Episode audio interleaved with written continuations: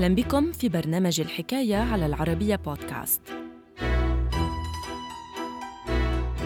عام 1666 كان روبرت هوبرت خارج إنجلترا لحظة اندلاع حريق العاصمة لندن لكنه اعترف بالواقعة فشنق وسحل وهو بريء.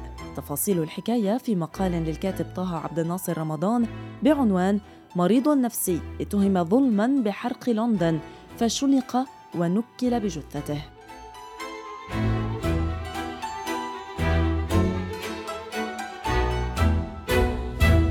الحكاية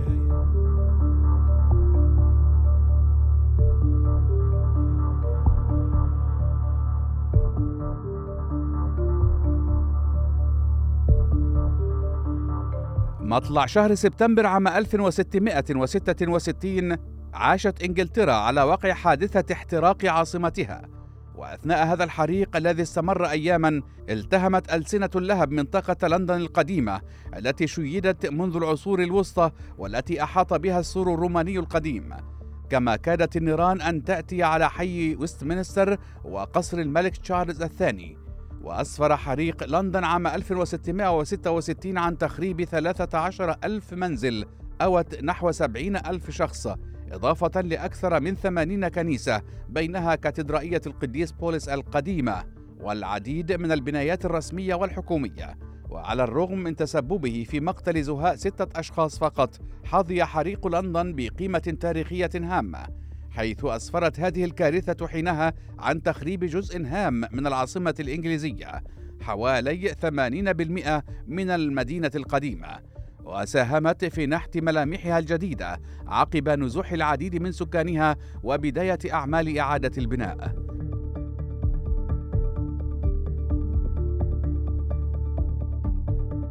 من ناحية ثانية اتجه الجميع حينها للبحث عن شخص لتحميله مسؤولية اندلاع الحريق. وقد وجد اللندنيون حينها ضالتهم في رجل عانى من اضطرابات نفسية عرف بروبرت هوبر ولم تكن له أي علاقة بالكارثة. وخلال فترة عاشت خلالها إنجلترا على وقع نزاعات وحروب دامية ضد كل من فرنسا وهولندا آمن سكان لندن بنظرية قيام عدد من المخربين الموالين للفرنسيين والهولنديين بإشعال النار عمدا بالعاصمة الإنجليزية. فقبل مدة وجيزة أقدم الإنجليز على حرق مدينة تريشينغ الغربية الهولندية.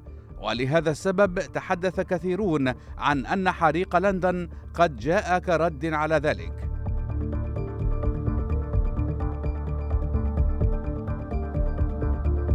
وأملا في تهدئة سكان لندن تحدث الملك تشارلز الثاني عن عقاب إلهي. وبسبب مثل هذه التصريحات تحول تشارلز الثاني بدوره لمحل شكوك من قبل الأهالي الذين شككوا في قيامه بإحراق لندن انتقاما لوالده الملك تشارلز الأول الذي أعدم عام 1649 في خضم الحرب الأهلية بين الملكيين والبرلمانيين.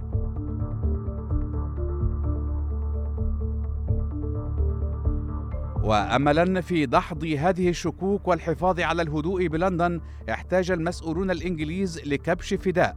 وقد وجد هؤلاء حينها ضالتهم في الساعات الفرنسي روبرت هوبر المولود بمدينة روان في حدود عام 1640 تزامنا مع اعتقاله اعترف روبرت هوبر الذي عانى من اضطرابات نفسية بالمسؤولية عن حريق لندن. مؤكدا أنه قام بادئ الأمر بإشعال النيران بحي ويستمنستر وكانت هذه الاعترافات غريبة وعارية من الصحة. فبناء على تقارير تلك الفترة ظل حي ويستمنستر سليما ولم تطله ألسنة اللهب. ومع سماعه باندلاع الحريق بمنطقة بودينغ لين بمنزل الخباز توماس فارينور تراجع روبرت هوبر عن تصريحاته الأولى. وتحدث عن قيامه بإلقاء قنبلة حارقة عبر النافذة نحو منزل فارينور كما أكد على قيام عدد من مساعديه بتخريب مضخات المياه لإفشال جهود إخماد الحريق.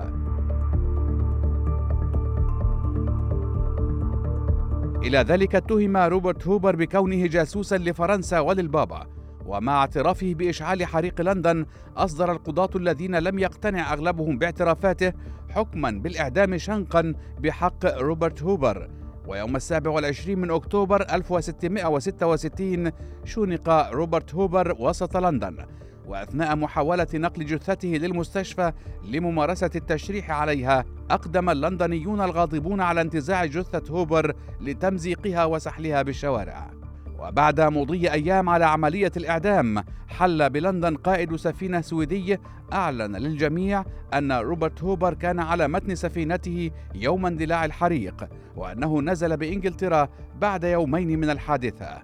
وبعد مضي ثلاثة أشهر عن واقعة شنق هوبر أصدر البرلمان الإنجليزي بيانا أعلن من خلاله أن الحريق كان قد اندلع بمحض الصدفة.